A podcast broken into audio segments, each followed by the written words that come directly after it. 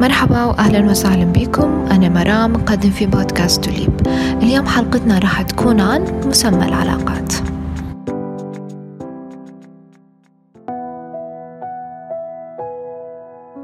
العلاقة العاطفية هي ارتباط بين الرجل والمرأة لما يكون في إعجاب متبادل بين الطرفين.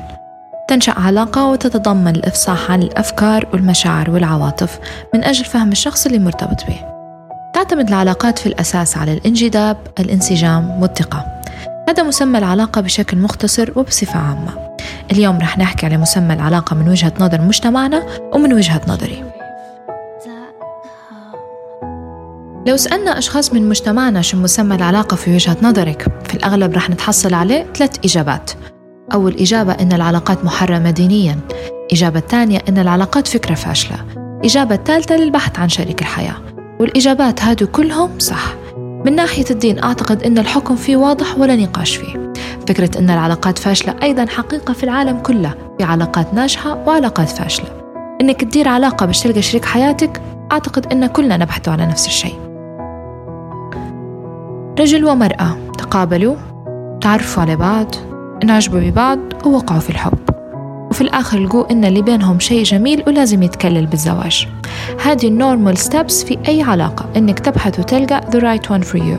تلقى شخص وتعيش معاه تفاصيل وتحس إنه the one. ولكن للأسف في مجتمعنا أول شيء ينظروا له إذا ما كان الشخص married material هل ينفع للزواج أو لا؟ البنت تشوف إذا هو شخص مناسب والشاب كذلك. طبعا باختلاف الآراء حول شنو يخلي الشخص مناسب في نظرهم. يتخطوا في كل شيء ويجوا لآخر نقطة اللي هي الزواج.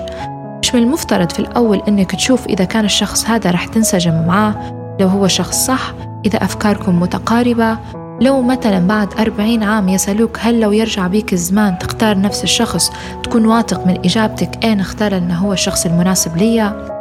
ولكن منظور العلاقات أصبح أن الولد لازم يتزوج البنت اللي يكلم فيها أو يطلع من الأول إنه ما كانش يبيها وكان يضحك عليها ومسميات أخرى شنيعة. تحول مفهوم العلاقة إن البنت تدير أي شيء باش الولد يتزوجها حتى لو غيرت من نفسها وما تعاملتش بطبعها خوفا من إنه ما يعجباش ويسيبها. والولد لو يبي يكلم بنت عجباته لازم يقولها بنتزوجك باش تقعد تكلم فيه.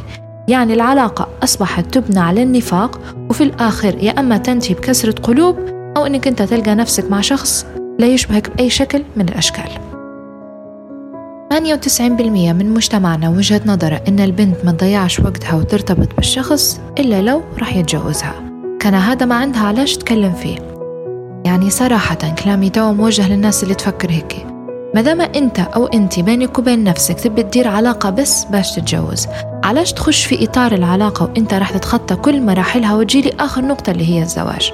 علاش ما تختارش الارتباط بشكل تقليدي وتخلوا العلاقة في حالها؟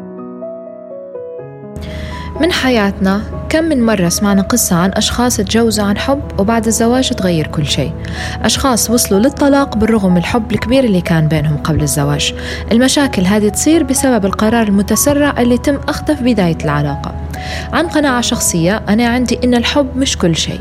الحب شيء أساسي ولكن يحتاج إلى انسجام وتفاهم وتوافق باش يزهر ويعيش.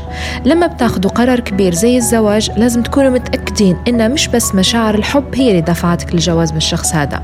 لازم تكون متأكد إنه هو الشخص اللي تبي تمضي حياتك كلها معه. تكون واثق فيه. يكون في انسجام فكري بينكم. حتى اختلافاتكم تكون متناغمة.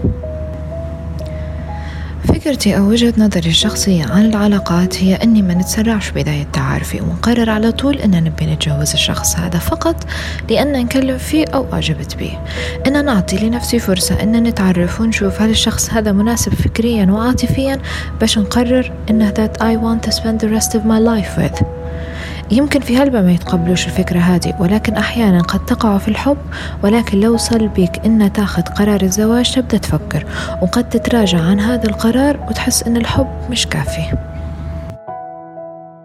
لو حد خد قرار إنه يخش في علاقة مع شخص حاول إنه ما تحطش نفسك ولا الشخص اللي أنت معاه في ضغوطات إنه لازم ما دام ارتبطت به تتجوزه ما فيش حد مجبر إنه يفكر على المدى الطويل بالسرعة هذه. أعطوا لأنفسكم فرصة أنكم تتأكدوا من مشاعركم وتكونوا واثقين من قراركم لأن هذا قرار لآخر العمر. في الختام أتمنى أن تكونوا استمتعتوا بحلقة اليوم. نستنى في مقترحاتكم وتعليقاتكم ولنا لقاء جديد. تحياتي.